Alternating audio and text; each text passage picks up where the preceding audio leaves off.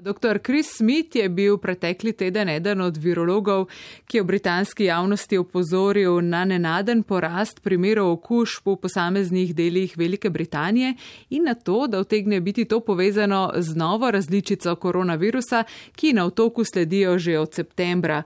Pred leti je naš sogovornik zasloval kot eden od pobudnikov priljubljenega poljudno-znanstvenega podcasta The Naked Scientists in avtorjev podkastov pri revijah Nature in eLife, od tedaj se v javnosti redno pojavlja kot znanstveni komunikator, zlasti na področjih mikrobiologije in virologije. Kot virolog deluje tudi v bolnišnici Edinburgh v mestu Cambridge. Kot je povedal v intervjuju za Val 202, je nova različica koronavirusa lahko razlog za skrb, kljub temu pa je treba počakati na dodatne dokaze. Dr. Chris Smith, novica o novi različici koronavirusa, ki ne bi bila bolj virulentna in se prodorneje širila, je v Veliki Britaniji sprožila veliko strahu in pa vznemirjanja. Ste zaskrbljeni tudi sami kot virolog in ne nazadnje kot Britanec? Uh, well, I'm both concerned, but I'm also reassured.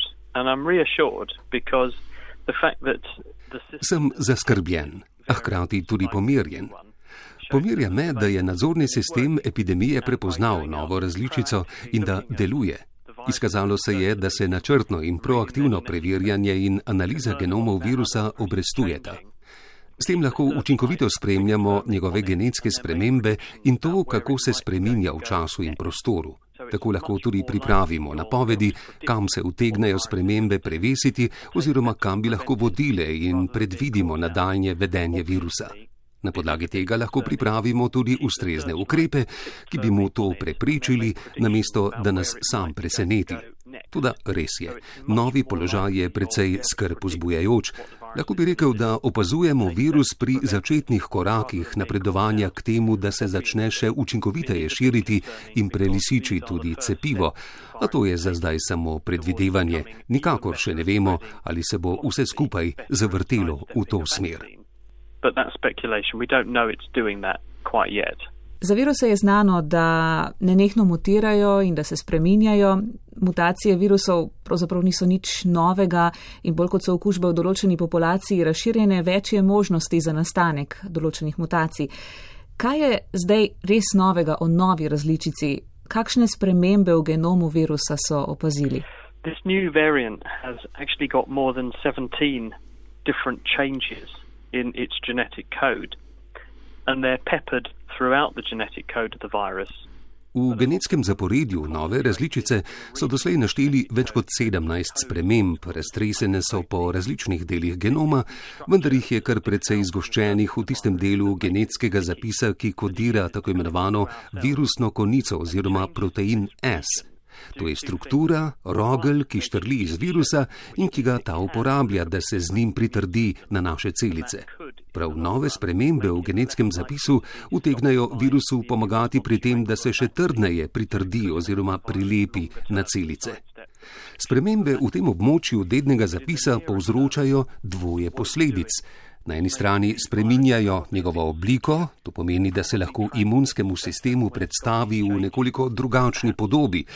Dolgoročno bi to lahko ogrozilo predviden imunski odziv, ki naj bi ga sprožila nova cepiva. V tem se tudi skriva nevarnost, da bi virus dolgoročno ušel v učinku cepiva. A to je dolgoročna domneva, za katero nimamo dokazov. Z večjo gotovostjo pa se lahko opremo na tiste spremembe, zaradi katerih bi se lahko virus še bolje pritrjeval na naše celice, na neki način postal še bolj lepljiv. Prav to bi povečalo njegovo virulentnost oziroma učinkovitost širjanja. Tudi to je za zdaj še sklepanje, še vedno nimamo dovolj dokazov, nekaj pa jih le imamo. Če si ogledate zemljevid države, lahko brez pretiranega truda opazite, da je razsoj okužb ponekod veliko večji kot drugot. To bi lahko pripisali novi različici virusa. Jasno je opaziti, da razrast okužb izvira le iz peščice okuženih pred nekaj meseci. V samo treh mesecih se je nova različica tako razširila, da v nekaterih delih države povzroči do skoraj 60 odstotkov novih okužb. In prav ti deli države imajo tudi najvišje odstotke novih okužb. Spremembe v dinamiki širjenja okužb bi lahko pripisali novi različici virusa in prav to nas skrbi. To pa še ne pomeni, da nova različica povzroča tudi hujši potek bolezni. Za zdaj predvidevamo, da je odgovorna predvsem za večje število novih okužb, a to hkrati prinese še nekaj. Več je okuženih, več je tudi takih, pri katerih se bo bolezen razvila v hujšo obliko. Tako lahko govorimo tudi o povečanju števila huje bolnih. You're going to get more people who get severe illness. Therefore, you will ultimately get more severe coronavirus infections, even though the virus itself isn't necessarily more lethal or capable of causing severe infection. Mnenja o virološki stroki so sicer različna. Nekateri virologi zavračajo pretirano zaskrbljenost, čež da še nobeden izmed doslej odkritih izolatov nove različice ni pokazal jasne biološke osnove za boljši prenos med ljudmi. Trdijo tudi, da ni jasnih dokazov za resnejšo patogenezo. Kako utemeljeno je sicer sklepanje o bioloških značilnostih virusa le na podlagi epidemioloških podatkov? Well, and at the moment, what we have are raw data. And those raw data show that for, for this virus to have grown in the way that it has, in terms of its proportion of all the infections, Kot sem rekel, za zdaj je za kakršne koli trditve še zgodaj. Trenutno imamo na voljo precej surove podatke. Na podlagi opazovanja števila okužb je mogoče sklepati, da mora imeti virus nekakšno prednost v primeri z drugimi različicami v obtoku. V treh mesecih mu je uspelo preskočiti z povzročitelja le nekaj posamičnih okužb na dominantno frakcijo v kar nekaj regijah države. Tega ne moremo pripisati golemu na ključju, nekaj mora biti na tej različici, da je lahko tako prodorna. Ali to pomeni, da ima kompetitivno prednost pred drugimi sevi virusa? Mislim, da je razumno razmišljati o tem, da se nekaj takega zares dogaja, pa vendar je treba upoštevati še nekaj. Take vrste sprememb v genomu virusa nastajajo pogosto. Zelo verjetno je, da so navzoče tudi v drugih državah, v katerih pa virusu morda manj učinkovito sledijo, redkeje analizirajo genom iz ozorcev bolnikov. V Veliki Britaniji smo jih bili sposobni najti, v kakšni drugi državi pa jim morda take spremembe pobegnajo z radarja in se jih niti ne zavedajo. But many other countries probably have this flying underneath the radar and haven't realized it. Trenutno na otoku zbirate podatke o poteku okužb pri posameznikih, ki so okuženi s to različico eh, virusa in tudi o samem širjenju epidemije. Je znano že kaj novega? Well,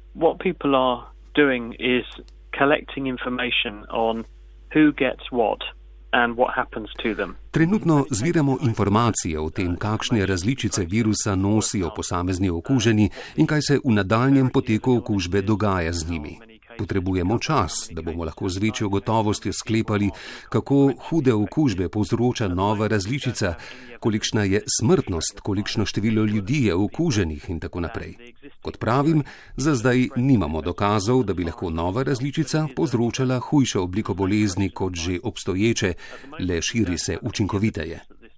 Opravljajo analize, strokovnjaki preučujejo tudi učinkovitost cepiva in iščejo kakršnekoli odmike od predvidene stopnje učinkovitosti pri tistih, ki so cepljeni z novim cepivom. Za zdaj kaže, da nova različica ne spodnaša učinkov novega cepiva in da bo ustrezno delovalo še naprej. For the moment, it doesn't appear that they are, and it looks like the vaccine will work just fine. Kakšna pa je bila kronologija odkritja? Kdaj so različico odkrili in kdaj so posumili, da utegne sprožiti nekaj resnejšega? Thing was first detected back in September of this year, so about three months ago, by the consortium Novo različico so odkrili septembra. Okužbo je prestregel konzorcij laboratorijev, ki spremlja in analizira genom novega koronavirusa pri okuženih posameznikih. Doslej so analizirali 140 tisoč genskih zapisov virusa iz bolnikov. Pri tem je začela nova različica v zadnjih tednih postajati vse bolj prepoznavna na njihovem radarju in od tedaj opažajo, da ga je v populaciji vse več. Tako so ga po mesecu dni od odkritja našli že v vsakem četrtem oduzetem vzorcu bolnika v posameznih delih države, decembra pa se je ta delež zvišal na od 50 do 62 odstotkov vseh na novo analiziranih genomov.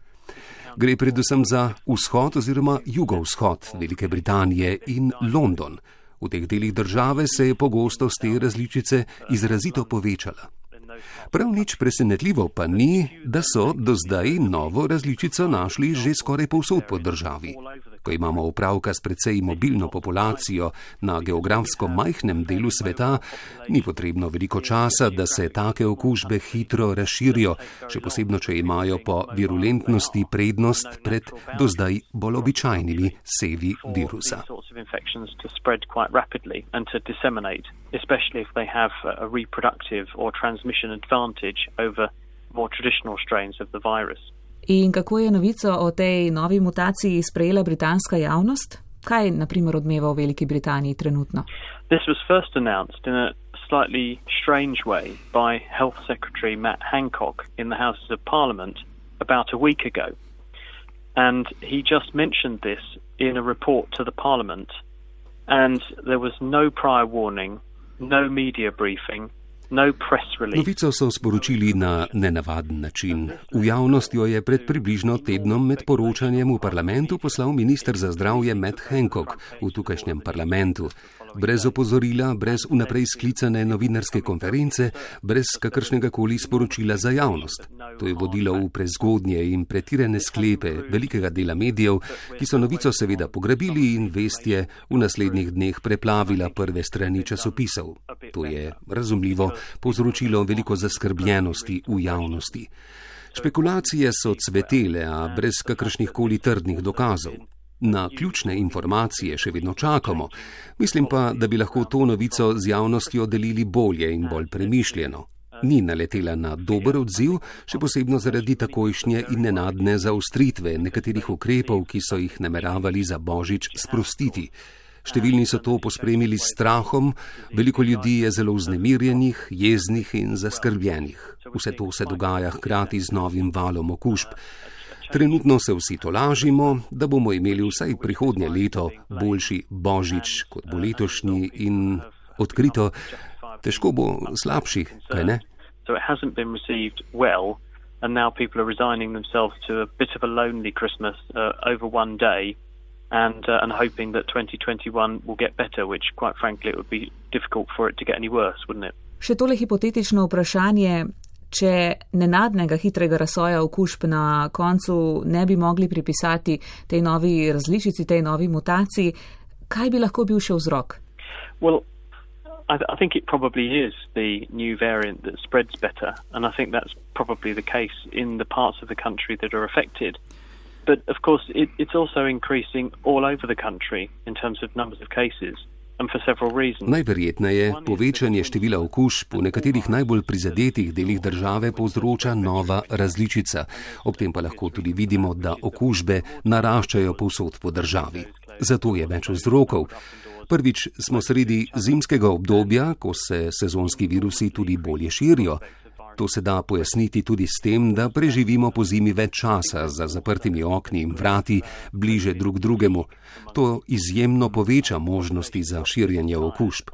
Povečanje števila okužb pa lahko pripišemo tudi splošni utrujenosti od COVID-19 med ljudmi. Siti smo tega, da životarimo, da ne moremo nikamor, da lahko svobodno počnemo manj stvari. Posledica tega je, da pri osnovni higieni, vzdrževanju fizične razdalje in ohranjanju družbenih mehurčkov mečemo puško v koruzo in ukrepov ne upoštevamo več tako zauzeto kot na začetku. Svoje je dodala tudi novica o uspešnem razvoju cepiva, ki je še bolj sprostila ljudi. Veliko jih zdaj meni, da je težava epidemije rešena in da se lahko zdaj vsi skupaj malo bolj sprostimo. Tudi to je opazno povečalo število novih okužb. Vendar pa se v Veliki Britaniji še vedno ne soočamo s tako hudim povečanjem kot v nekaterih drugih evropskih državah, naprimer v Nemčiji. v kateri podobno kot pri nas učinkovito spremljajo okužbe, uvajajo premišljene ukrepe, a jih je vseeno prizadela visoka smrtnost. Pri nas še nismo tam. A morda nas čaka prav to.